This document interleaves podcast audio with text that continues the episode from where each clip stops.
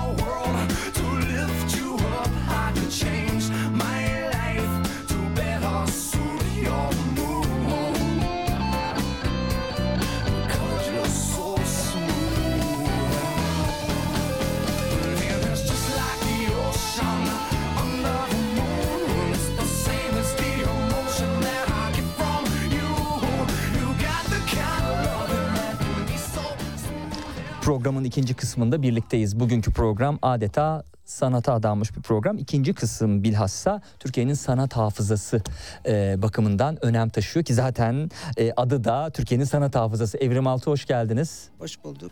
Mimar Sinan Üniversitesi Güzel Sanatlar Fakültesi Televizyon Bölümü ve İstanbul Bilgi Üniversitesi İletişim Fakültesi Sahne ve Gösteri Sanatları bölümünde eğitim aldıktan sonra aynı üniversitede tasarım kültürü ve yönetimi programına katıldı. 9. Kanal Televizyonu'nda 1998'de stajyer olarak başlayan başlayan ve 2000'de bölüm sorumlusu olarak biten sanat muhabirliğini 2000-2005 yılları arasında Radikal Gazetesi Kültür Sanat serisinde servisinde sürdürdü. Çok sayıda yazı, eleştiri, röportaj ve özel haber hazırladı. Zaten radikal demek o demekti o dönemin gazetesi. 12 Eylül'den sonra tekrar faaliyete geçen Uluslararası Sanat Eleştirmenleri Derneği kurucuları arasında e, yer aldı. 2006'da Açık Radyo'da Ömer Madra eşliğinde Açık Gazeteleri e, okudu. 2003'te e, 3. performans günlerine e, Recycled Performance adlı bir çalışmayla katıldı. Mart 2006-2007 döneminde Bir Gün gazetesinin kültür sanat bölümünde editör ve muhabir olarak çalıştı. Çok önemli mecralarda yani radikal bir gün sanatla ilgilenen ne kadar e, önemli işler yapan güzel yayın organı varsa e, varsınız. Çok teşekkürler. Burada olmak da bu varlığın bir e, göstergesi ve uzantısı diyeyim. E, anlatılmayanları anlatmak adına ve burada olmak adına hepinize, bütün emekçiler adına çok teşekkürler. Evet. E, tabii şimdi Milliyet gazetesinde e, bir süredir Milliyet gazetesinde diyelim e, ki o akışa baktığımız zaman 2007-2009 yıllarında Sabah gazetesinde aynı göreve devam etti. 2014-2015'te Cumhuriyet gazetesinde editörlük yaptı. Milliyet Sanat, Radikal 2, Hürriyet Gösteri, Art Unlimited, Artist, Sanat Dünyamız, Virüs ve Açık Dergi gibi pek çok sanat ve kültür yayınına röportaj ve metinleriyle katkıda bulundu. Orası kamusal alan, galeri siyah beyaz tarihi ve peki galericiler bu işe ne diyor gibi kitaplara da imza attı. Şimdi e, Evrim Altuğ'la sohbet ediyoruz sevgili dinleyenler. Şöyle bir, e, bir baktık geçmişte yaptığı işlere e, ve e, Milliyet Sanat Dergisi'nin e, aylık olarak yayınlanmaya başlamıştı daha sonra ama haftalık çıkan bir dergiydi.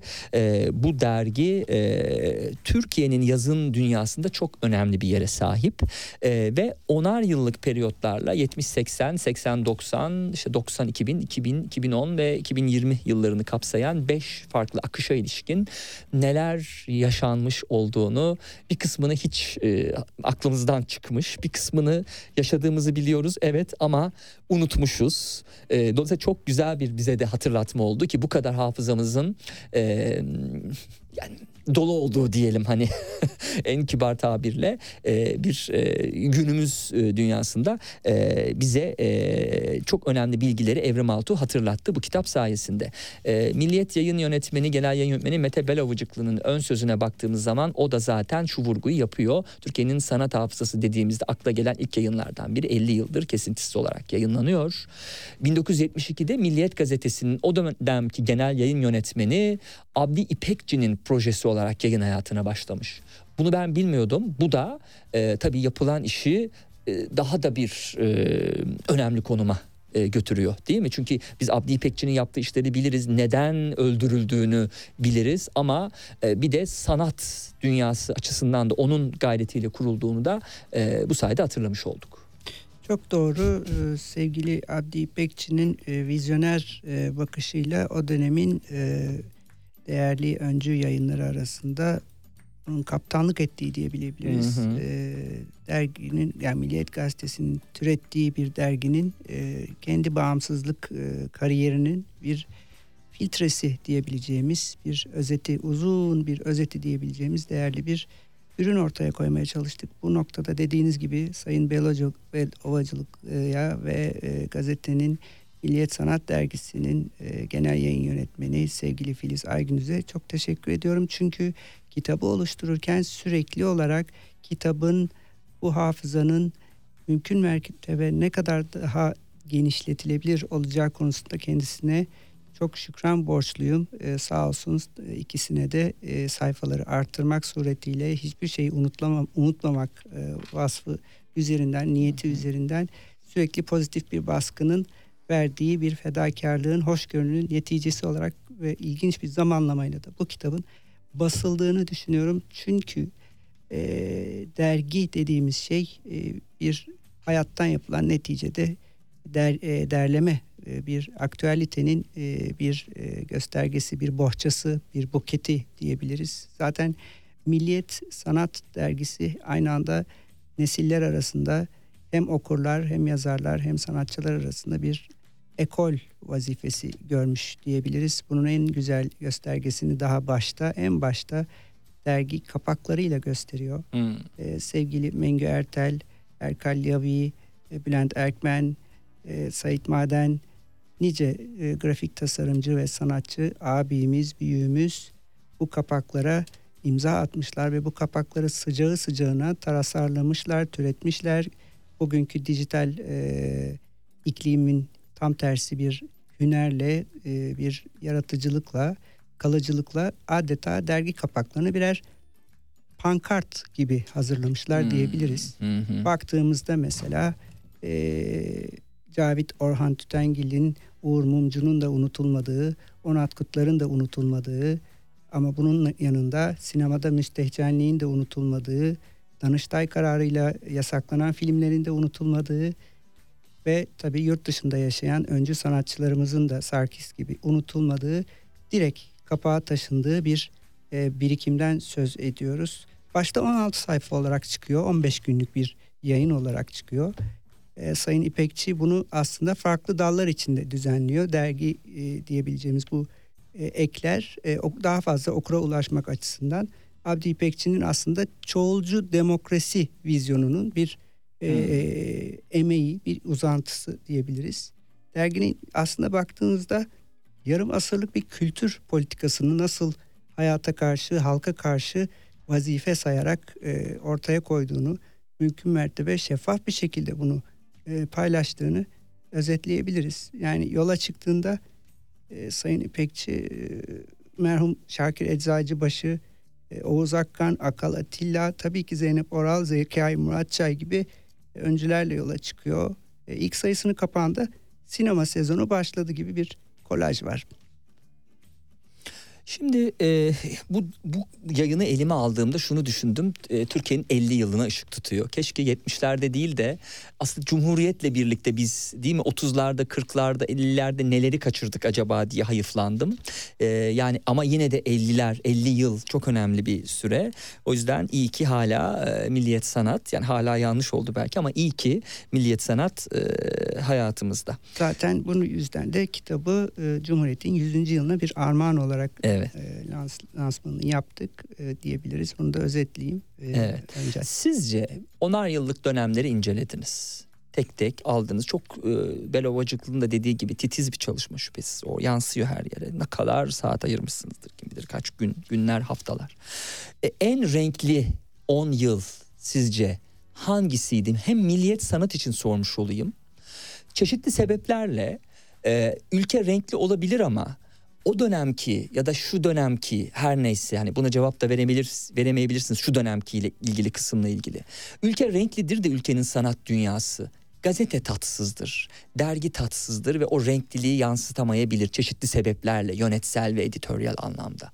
E, örtüşüyor mu? Ülkenin renkli olduğu dönemle gazetenin, derginin daha doğrusu Milliyet Sanat'ın renkli olduğu dönem eşleşiyor mu? İkisi de aynı mı yoksa farklı dönemler mi? Derginin en renkli, en zengin olduğu yıl aralığı 70'ler, 80'ler ama ülkenin bence en renkli olduğu, en keyifli olduğu aralık belki 90'lar, 2000'ler diyebileceğiniz bir e, zaman aralığı nedir?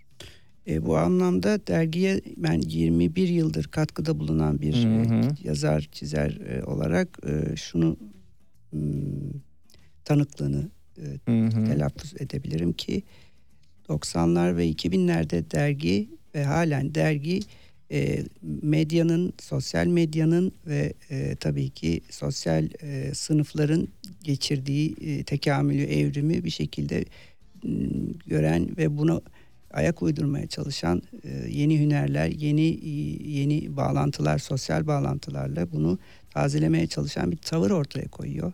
Derginin ilk e, 30 yılında diyebileceğimiz bu e, daha soğukkanlı, daha enformasyon odaklı ve daha e, kültürel açıdan e, yoğun diyebileceğimiz iklim zamanla değişen teknolojinin de etkisiyle e, tabii ki e, derginin e, sayfa tasarımında, e, grafik tasarımındaki e, dönüşümle kendini gösteriyor. Kuşe kağıda geçiliyor daha renkli sayfalar, daha renkli görseller ortaya konuluyor ama bu yapılırken enformasyondan da cayılmıyor. Mesela e, baktığımızda e, özel dosyalara yine devam ediliyor. E, mesela 90'lara baktığımızda Körfez Savaşı'nın yine savaş ve basın ilişkisi üstünden kapağa çıktığını görebiliyoruz. Mesela e, büyük sanatçılar çok değerli röportajlar e, veriyorlar. Mesela e, diyelim ki e, İKSV'nin Faust adlı yapımı e, e, şeyde e, 90'larda Tarsus'ta perde açmaya hazırlanırken e, David Mamet e, Amerikalı avantgard e, of of Broadway diyebileceğimiz hem film hem tiyatro yönetmeni David Mamet'ın Bağla Şu işi adlı oyununa dair bir baskı ve sansür girişimi oluyor. Yani burada şunu söylemeye çalışıyorum. Dergi aktüellitesini yitirmeden muhalifliğini de yitirmeden habercilik anlayışını, kültür sanat gazeteciliği anlayışını kesinlikle ödün vermeden sürdürüyor. Hmm. Tavizsiz bir şekilde. Mesela o günlerde Galatasaray Postanesi önünde toplanan İKSV, PEN, UPSD, Tiyatro Eleştirmenleri Birliği gibi sivil toplum örgütleri bu e, ifade özgürlüğüne dair bu müdahaleyi e, tek ses olarak e, bir şekilde eleştiriyorlar. E, bunun önünde duruyorlar. Yani dergi grafik tasarım olarak renklenmekle birlikte Türkiye'nin hiçbir zaman tükenmeyen Doğu Batı arasındaki o bereketli sarsıntısını asla e, gözden kaçırmıyor diyebilirim. Hı hı. Şimdi o halde biz dönemlere bir bakacak olursak artık bundan sonraki kısımda e, bölümde e, biz neler yaşanmış ve milliyet sanatta nasıl bakılmış diye bakabiliriz. Mesela Vietnam Savaşı bakıldığında ana gazetede geniş yer bulan bir e, evet e, dönem olayıdır ama milliyet sanat da bundan etkilenmiş. Yani bir savaş varsa tabii ülkenin sanat dünyası da etkileniyor. E, mesela 11. sayfaya baktığım zaman Vietnam Savaşı ve milliyet sanatın tavrı diyor buna. Hı hı. Ne görüyoruz o dönem 70'lerde bu savaşa ilişkin dergide? E, yaratıcılığın aslında en kendini en iyi gösterdiği nokta biliyorsunuz kültür ve sanatın e, ürettiği görsel, yazılı, e, sözlü e, e, ifade hüneri yani alegori yani bir şekilde bunu e, farklı yönler, yollar ve biçimlerle topluma mal etme hüneri. E, bu yüzden özellikle karikatür e, alanından ustalar e, bu konuya e, dergide yer vererek e, konuyu aktüel kılıyorlar. Hmm. E, mesela e, diyelim ki Fransız yabancı karikatürcü e, Vietnam Savaşı'na dair muhalif yorumlarına yine bu sayfada bu dergide yer veriyor. Hı hı. Veya Akadir'in e, ya da Afşar Timuçin'in Türkçesiyle Vietnam şiirinden örnekler sıcağı sıcağına okul, okullarla paylaşılıyor ve bir aslında tavır alınmış oluyor. E, yine merhum Altan Erbuna imzasıyla ürettiği bir Vietnam insan manzarası karşımıza çıkıyor. E, yani çok çok detaylı ve çeşitli disiplinlerle konu e, okurun önüne konuluyor. E, burada tekrar aktüalitenin altını özellikle çizmek istiyorum. Dergi e, dergiciliğini gazetecilik ruhuyla yapıyor, e, hmm. e, hüneriyle yapıyor. Hmm. Kültür sanat basınının e, disiplinler arası üretim ve paylaşım hünerini adeta bir meyhanedeki e, gelişi güzel, rastlantısal neşeli e, aynı zamanda yoldaş sofrada otururcasına her sayısında yeni sürprizler, yeni el sıkışmalar ve yeni türetmelerle gösteriyor diyebiliriz. E, bunun e, en güzel örneklerinden birinde Yılmaz Güney'in 73'te yılın sanatçısı seçildiği süreç ile de anmak da büyük fayda var. Bu arada hı kitabın kapağını tasarlayan saygıdeğer sanatçı grafik tasarımcı Utku Lonlu'ya da çok teşekkür ediyorum. Bir de ufak düzeltme girişteki biyografide e, Mimar Sinan dedik o Marmara. Ha, Marmara Üniversitesi pardon doğru.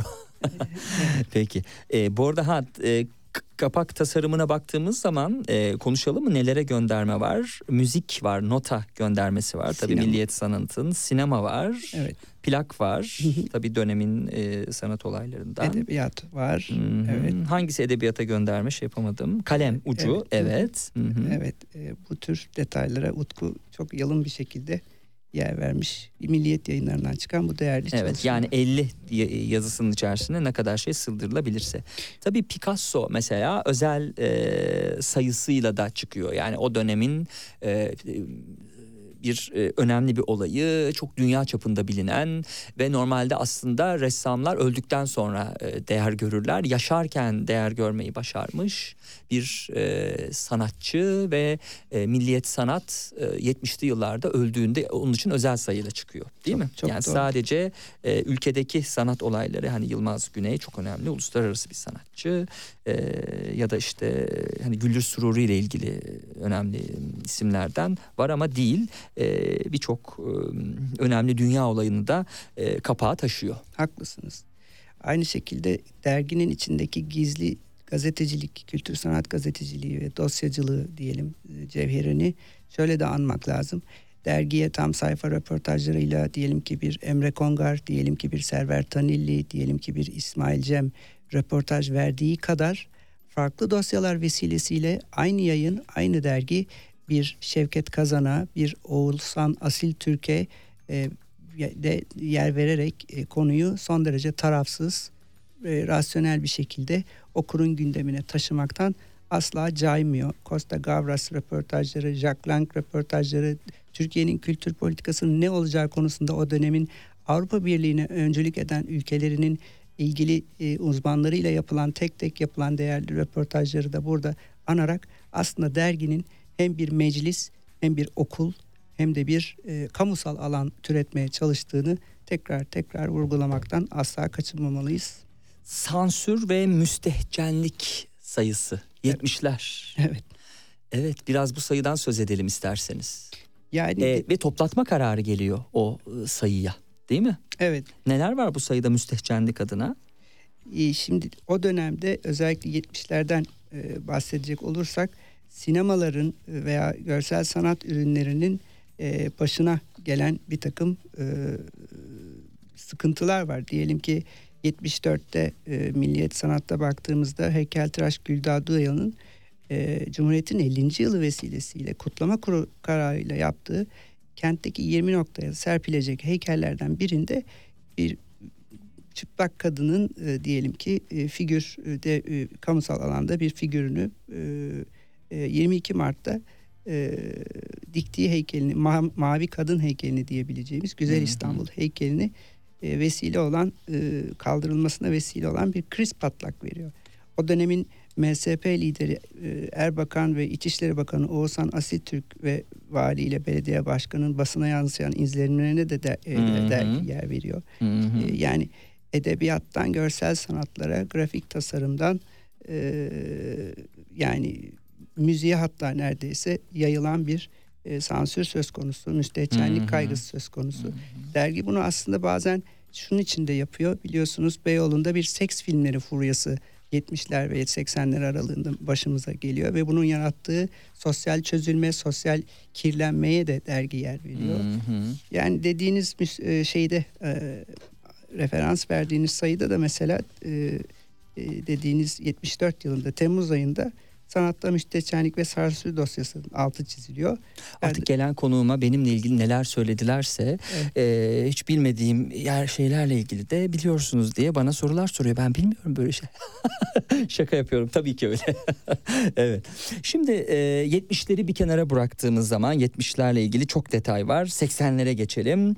E, 70'lerle ilgili bu arada ekleyeceğiniz bir şey var mı? Bu çok önemliydi bunu atladın diyebileceğiniz bir şey. E, sürekliliğin altını çizmek Hmm. istiyorum. Dergi okulun elini bırakmadan yeni ekler çıkarıyor. E, edebiyat alanında, e, görsel sanatlar alanında ansiklopedik diyeceğimiz ekler çıkarıyor ve okurdan şöyle bir refleks geliyor.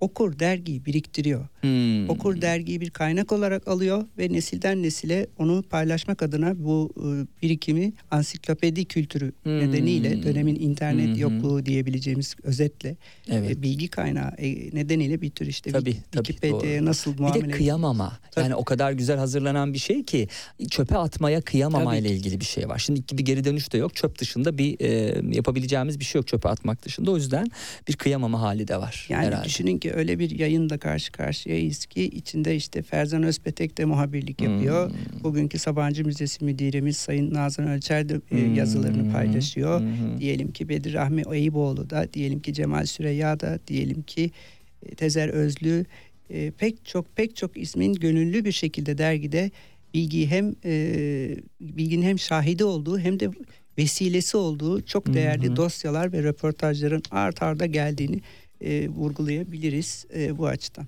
Evet. 90'lara yine gelecek olursak 80'lerdeyseniz Türkiye'de mesela enflasyona edebiyatta yetişemiyor Hı. e, kısmını görüyoruz. Tabii e, 80'ler demek e, 90'lar da aynı şey için geçerli. E, enflasyon demek ve e, aslında izlerini de süre, sürebiliyoruz bu e, yapılan derleme sayesinde.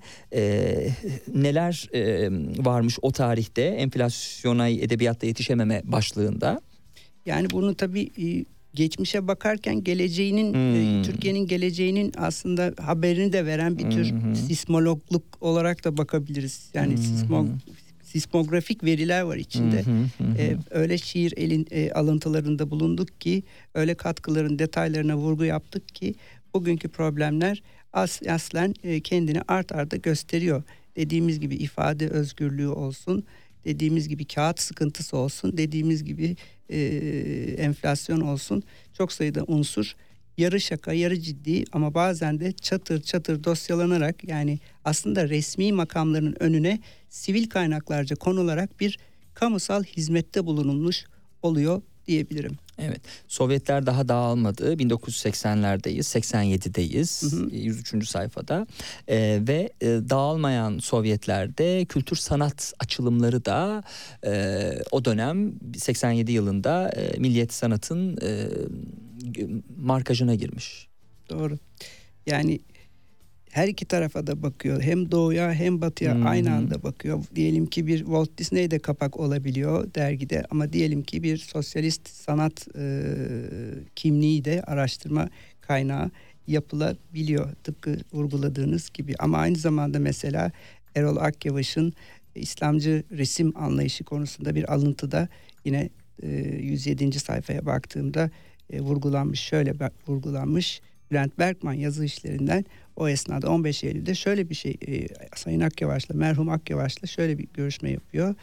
İslamcı resmi nasıl tabir ediyorsunuz diyor hmm. ve şöyle bir yanıt diyor e, alıyoruz Sayın Akyavaş'tan. Biliyorsunuz yapıtları şu anda dünya koleksiyonlarında İstanbul Modern'de ve pek çok yerde başımızın üstündedir. Hmm. E, diyor ki ya İslamcı demeyelim tasavvufla, sufilikle eskiden beri ilgileniyorum. Eskiden beri merakım ve sevgim var bu sevgi ve ilgimin çalışmalarıma yansıması çok doğaldır. Buna İslamcılık demek sorunu güncelliğe ve basite indirgemektir. Yanlıştır. Hele buna güncel politik yorumlar katmak, 80'lerin modası olarak sınırlamak daha da basitliktir. Allah kavramını herhangi bir politikacının uçkuruna bağlamak dehşet verici. Ezelden ebede uzanan, tüm zamanları kapsayan, kavranmasında güçlük çekilen bu sonsuz kavramı güncel politikaya indirgemek o sonsuz kavrama karşı büyük günahtır, ayıptır, çirkinliktir. Yani eski deyişle bunu bütün bu yakıştırmalardan eserlerimdeki tasavvufi fikirleri tenzih ederim diyor. Hı-hı. Bunlar çok nazik, çok kıymetli, gerçekten arşivlik, değerli ifadeler, bilgiler, veriler. Evet. E, biz e, o sayıları e, dönüp okuma şansımız belki yok. internette yoktur diye tahmin ediyorum ama bu yayın sayesinde Milliyet Sanat'tan e, çıkan, Milliyet Yayınları'ndan çıkan sanat hafızası sayesinde mesela iki roman için yakılma kararı mahkemeden çıkarıldığını da e, biz görüyoruz 111. sayfada. Hı hı. E, 1 Nisan 1988 sayısı sinema günlerini kapağına alsa da esas gündem yine devletin aldığı bir karar yaptığı e, İkinci Asya Ceza Mahkemesi Ahmet Altan'ın Sudaki İz yapıtıyla Henry Miller'ın e, Fatma Aylin Sağtürk tarafından çevrilen Oğlak Dönencesi kitaplarını müstehcen buluyor ve yakılarak imhasına. Acaba ne zaman vazgeçildi yakılarak imhadan? Ama yakın zamanda 87'de mesela 88'de böyle bir karar da verilmiş. Aynen dediğiniz gibi aslında yakma e, bir kere önce kafada başlıyor diyelim. Yani o e, öyle bir noktaya geliyor ki mesela dergi bir kapağında Bülent Erkmen'in tasarımıyla kendi kendini siyah bir poşete koyarcasına tasarlanıyor ve bunun e, anonsu, bunun kaygısı, serzenişi bir şekilde sanatsallaştırılmış, e, sanatsal dille ifade edilmiş oluyor. Dediğiniz gibi e, yine Henry Miller'ın Kara İlkbahar isimli çalışmasına yine bu başlıkla e, e enleştirmen, e, bir geliştirmen e, göndermede bulunuyor. Sevgili e, merhum Onat Kutlar ve diyor ki bunu faşist Nazi rejimiyle hmm. mukayese ederek diyor ki bense seni edilmeyecek gibi değil tabii bu evet, arada. Evet yani bense seni düşünüyorum şaşkınlıkta e, diyor kitaplar yakılırken herkes susabilir ama sen ben sana sıradan faşizmi göstermiştim. Sen de şaşkınlıkla sormuştun arkadaşına. Nasıl oluyor da çıkmıyor sesi kimsenin? Yani aslında kitaba baktığımızda hem nesiller hem dönemler 10 yıllık e, dönemler açısından baktığımızda Türkiye'nin gündeminin sürekli farklı aktörlerle, farklı nesnelerle veya öznelerle tekrar tekrar tekrar aynı meseleleri e, büyük bir e, yoğunlukla tartıştığını, deneyimlediğini görüyoruz. Hmm. Gelelim 90'lara. 90'larda Aziz Nesin'in aramızdan ayrılışı 80 yaşında önemli bir tabii şüphesiz e, hadise e, ee, 169. sayfada Aziz Nesin 80 yaşında aramızdan ayrılıyor e, derginin önemli haberlerinden biriydi ve bu vedalaşmayı gördük. Onun dışında e, devam ettiğimizde 176 diye not almışım. Zeki Müren'in egemen ahlak anlayışını yıkmış olması. Daha doğrusu onu ben söylemeyeyim, alıntılamış olayım. Zeki Müren egemen ahlakı yıkmıştır başlığı da yine 1990'larda Milliyet Sanat'ın e, başlıklandırdığı bir şeydi. Evet. Merhum Ahmet Hı-hı. Oktay değerli eleştirmen kalem e, Ahmet Oktay hocamız bir ikon olarak tasvir ediyor kendisini. Yine merhum Zeki Müren'i ve onun hakkında sanatçının özellikle son günlerinde Bodrum'da inzivada olmaya niyetliyken maruz kaldığı medya baskısından kaçamadığının altını çizerek şunları tespit ediyor Milliyet Sanat Dergisi'nde. Zeki Müren'in en büyük işlevi Püritenizmi ve sadece çalışan yoksul kesimlerin yazgısı olarak konumlandırılan perhizci ideolojiyi yıkması olmuştur. Müren kendisini daha kesinlikle söylersem gövdesini hem alt ve hem üst sınıflar hem de erkekler ve kadınlar açısından istenir hale getirerek egemen ahlakı yıkmıştır diyor tıpkı sizin de az önce referans verdiğiniz gibi. Ee, peki e, milliyet sanatı tanımlayacak olursak bir yere oturtacak olursak hmm, nasıl bir e, tanımlama yapabiliriz? Yani popüler diyebilir miyiz? Yoksa hmm, anahtar kelime olarak neleri kullanabiliriz? benim için e, bu tecrübenin sonunda çıkış noktası olarak tıpkı Türkiye Cumhuriyeti'nin e, doğu ve batıyı kesiştiren tarihsel olarak, sosyal olarak, kültürel olarak, demografik olarak kesiştiren yazgısı bu dergide de kendini gösterdi ve herkesten sağ olasınız bu soruyu e, işittim, işitmeye de devam ediyorum. Bu benim için çok değerli bir sınavdır. E, ben bu yayını, ben bu e, birikimi aslında geleceğin özgeçmişi olarak görüyorum. Yani ortada hem bir e, tekrar var hı hı. ama aynı zamanda o tekrarın tekamülü var. Hı hı. Çünkü bu Türkiye Cumhuriyeti'nin diyelim hani kabaca ve dünyanın geçirdiği dönüşümün e, bir tür e, kitabı yani bir tür e, külliyesi haline gelmiş, bir yazıtı haline gelmiş, bir arşivi haline gelmiş. E tabi doğal olarak da Türkiye'den e, biricik net, neticede Türkiye'den başka bir ülke olmadığı gibi dönemin dünyasından ve bugünkü dünyadan da hiçbir yere kaçış yok. Gündemler hep birbirine bağlı. Hani tırnak içinde bugünkü deyimle hep hepsi birbirine link atar vaziyette ve bu birbirine link e, gönderen çok sayıda mesele de hala dünyanın kafasını karıştırmaya devam ediyor. Tabi sanatın, kültürün burada bu karışıklıklardan, bu çıkmazlardan kendini nasıl bir yaratıcılıkla okur nezdinde, izleyici nezdinde nasıl bir muhalif, muhaliflikle kendini dışarı taşırdığını bu şekilde bu derginin hafızasından, bu biricik hafızadan bilhassa e, görüyoruz diye düşünüyorum. Hı hı. E, tabii çok e, yayın yönetmeni de değişti. Evet yani çok da değişmedi ama sonuç olarak gelenler gidenler oldu. Bunlar içinde Tuğrul Er Yılmaz dönemini nasıl tanımlarsınız peki?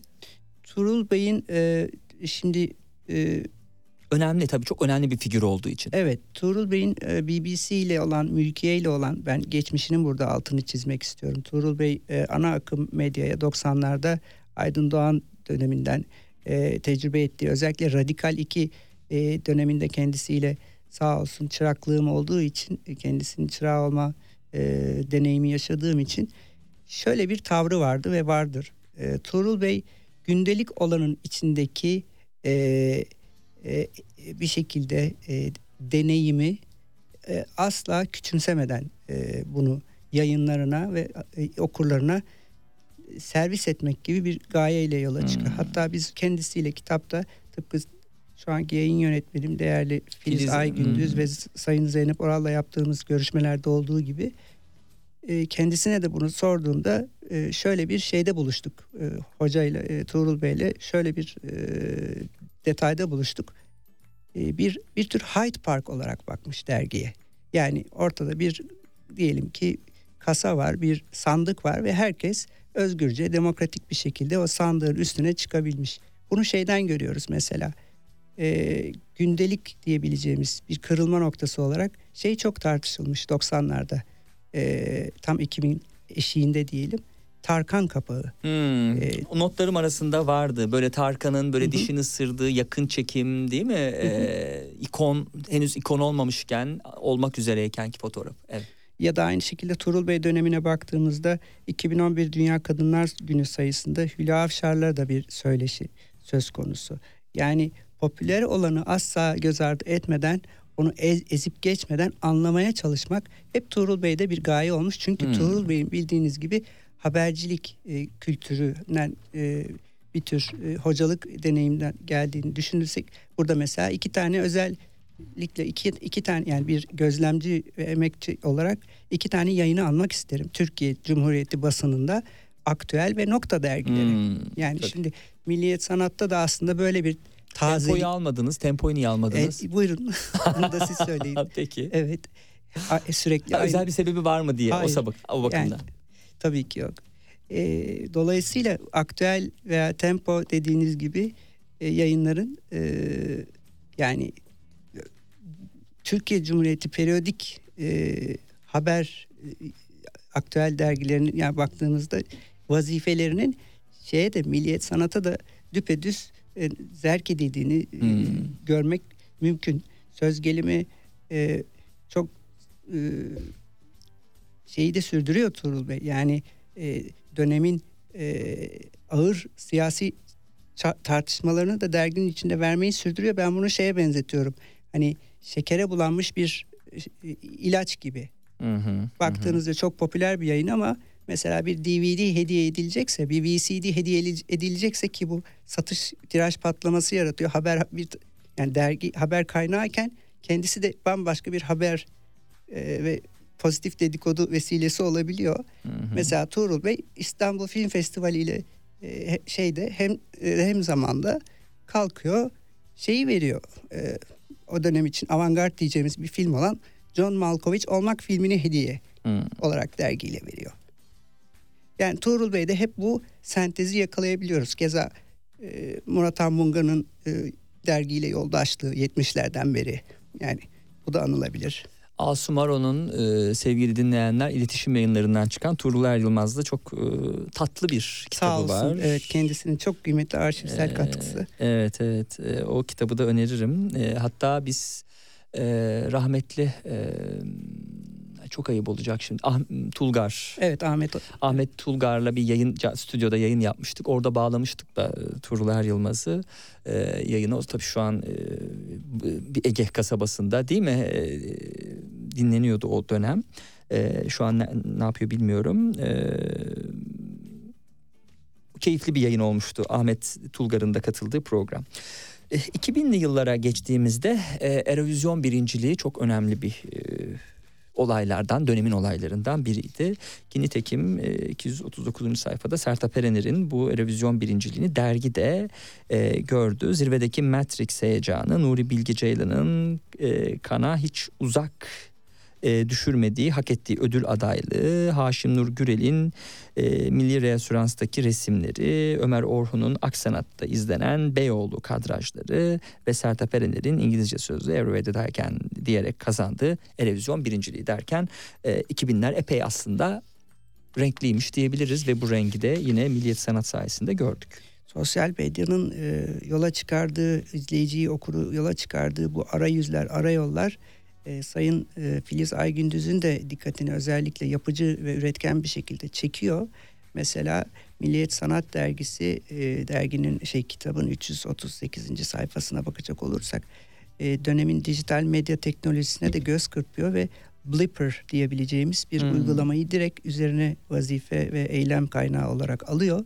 Dolayısıyla okur aynı anda hem derginin hem de bu sinerjinin dijital medyada e, bir tür yoldaşlığını üstleniyor. E, bunu da ben altını çizmek istiyorum. Keza Filiz Aygündüz'ün dergiyi yine bir kamusal alan olarak e, değerlendirdiği çok değerli yarış, yarışmalar, jürilikler veya bir şekilde dayanışma organizasyonları da burada vurgulamam gereken şeyler. Baba Beni Okula Gönder projesi kapsamında çeşitli sanatçılarla birlikte Filiz Hanım'ın değerli hocam e, Filiz Aygündüz'ün de e, bu katkıları var. Katkıları evet. kesinlikle 2000'li yıllarda lazım. önemli olaylardan biri de Pamuk'un Orhan Pamuk'un Nobel Edebiyat Ödülünü kazanması. Aslında hani Nuri Bilge Ceylanların Ceylan'ın aldığı ödüller e, sonrasında Sertab Erener, öncesinde Sertab Erener, e, Orhan Pamuk'un Nobel Edebiyat Ödülünü alması 2000 e, 2010 arası dönem çok şahane bir dönemmiş gerçekten. Sanat evet. açısından değil mi? Ne dersiniz? Bir yükseliş söz konusu. Tabii burada Hı-hı. şeyi de anabiliriz. E, İstanbul 2010 Avrupa Kültür Başkenti vesilesiyle Hı-hı. Türkiye'de kalkışılan çok disiplinli projelerinde e, ben yine aklıma geliyor. Keza Fer, Ferzan Özpetek'in dediğiniz gibi başarılarını da burada akla Aa, getir, tabii, tabii. La Fata Ignorante'ydi değil mi? Onun da e, önemli film. Evet. Bir tür kurumsallaşma e, koşturmacası başlıyor Türkiye'de. Art arda açılan Sabancı Müzesi, İstanbul Modern ya da işte diyelim ki kurumsallaşan e, film festivalleri, e, tiyatro festivalleri, bağımsız sanat eylemleri e, bütün bunların hepsine kesinlikle kayıtsız kalmıyor e, Milliyet Sanat. Ara ara çeşitli yıl dönümlerini asla unutmuyor. Son derece vefakar davranıyor. E, dolayısıyla kapaklarında hem birinci sınıf dünya starları hem de yine birinci sınıf Türkiye ve kültür sanat aydınları, öncüleri, avantgardları büyük bir demokratlık içinde bence e, art arda yerini buluyor. Hmm. Yani hatta şöyle acı bir espri yapmak istiyorum. Hmm. E, dergi e, bu avantgard imzalara hem sağlığında hem de vefatı ardından aynı eşdeğer saygıyı ve refleksi kesinlikle ve kesinlikle gösteriyor. Evet. E, tabii e, hayatımızı etkileyen hani 2000'lerde böyle çok gül bahçesi değildi dinleyenler biliyorsunuz. Hani, Hrant Dink'in vefatı tabii ki, hayatımızda tabii ki. çok önemli bir e, dönüm noktası oldu bence. Yine Duygu Asena'nın aramızdan ayrılışı gibi Erdal Öz'ün önemli kayıplarımız da oldu ama tabii 10 yıldan bahsediyoruz. Tabii ki e, ülkede önemli isimlerin kayıp da olacak. Peki son döneme girelim o zaman isterseniz. 2010-2021 e, arasındaki döneme bakacak olursak hani siz kısmen bir örnekle e, giriş yapmıştınız.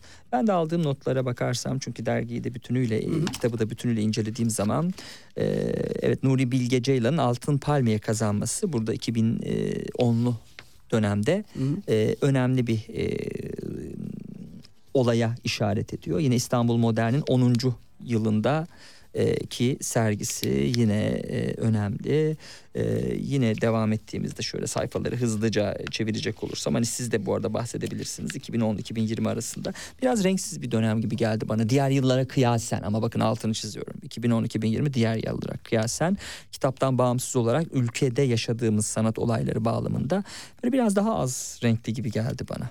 Bu noktada 2000-2010'un böyle biraz farklı bir durumda konumlandığını söyleyeyim. Buyurun e, 2010 e, son döneme dediğiniz gibi baktığımızda görünüşte hiçbir şey olmuyormuş gibi gelse bile bir şeyler oldu. Evet bir şeyler oldu. Mesela şimdi bakıyoruz e, bir üst, üstada Yeşilçam'da işte üstada Şener Şen'e hmm. Zengin Mutfağı'ndaki tiyatro performansı vesilesiyle bir kapak e, tabii ki e, tayin edilebiliyor. Ya da Fahri Nisa Zeyt'in re, e, retrospektifi e, Haziran 2017 sayısında e, hem Türkiye üzerinden ele alındığı gibi hem de Zeyd'in Tate Modern'de e, böyle bir sergisinin açılmış olması vesilesiyle e, doğrudan refleksini gösteriyor dergi.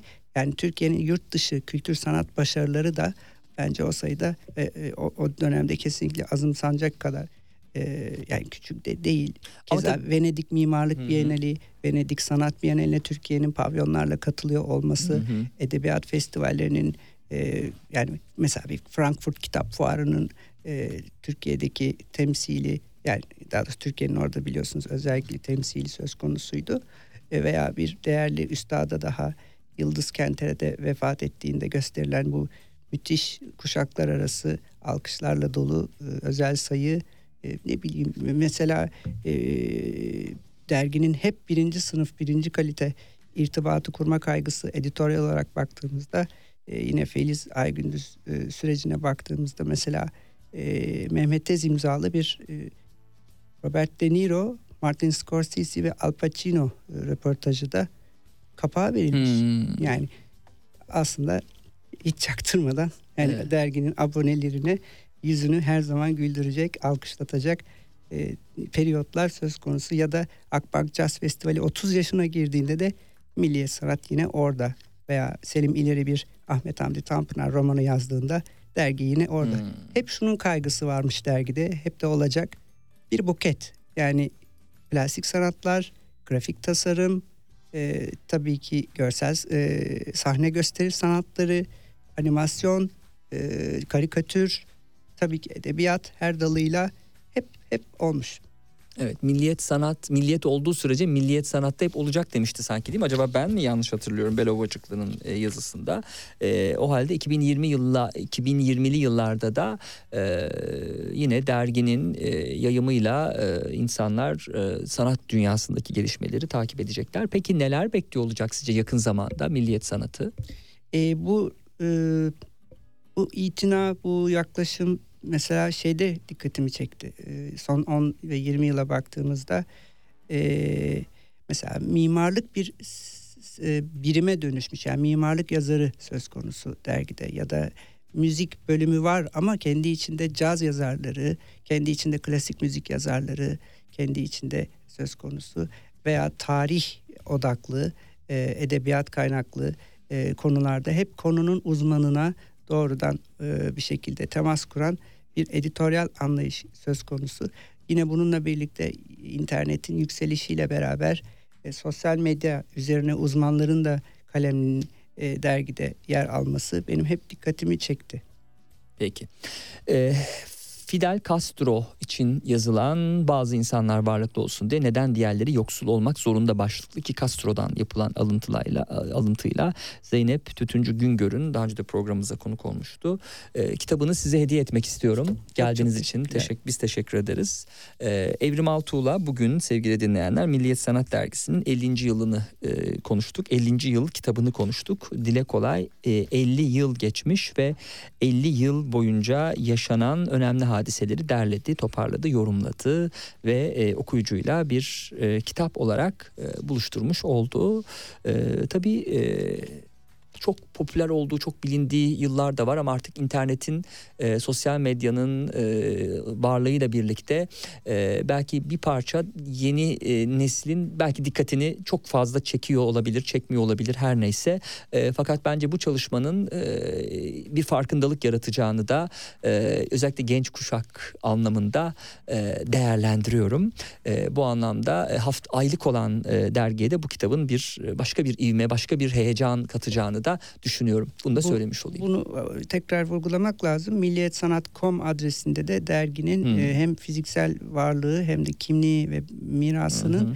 Milliyetsanat.com adresinde de kendisini köşe yazarlarıyla olsun, aktüel içeriklerde olsun sürekli e, yayın, yay, yansıttığını e, söylemekte fayda görüyorum. Ayrıca dergi mevcut e, sosyal medya mecralarında işte Instagram, hı Twitter gibi mecralarda da sürekli okuruyla el ele tutuşmayı göz göze olmayı sürdürüyor. E, ben de sözlerime son verirken son dönemde yitirdiğimiz değerli kalemleri e, baş e, kaybedenlerine başsağlığı diyorum. Bir Zafer Toprak Hoca, bir Sayın Mehmet Barlas gibi, Engin Ardış gibi çok sayıda kalemi art arda yitirdiğimiz bir dönemdeyiz.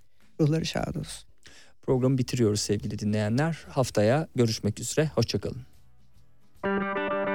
Her hafta konuşulan ve tartışılan gündemin dışına çıkıyor, özenle kendi gündemini yaratıyor. Konuklarıyla telefonda değil, stüdyoda sohbet ediyor. Konuları değil, konukları ele alıyor.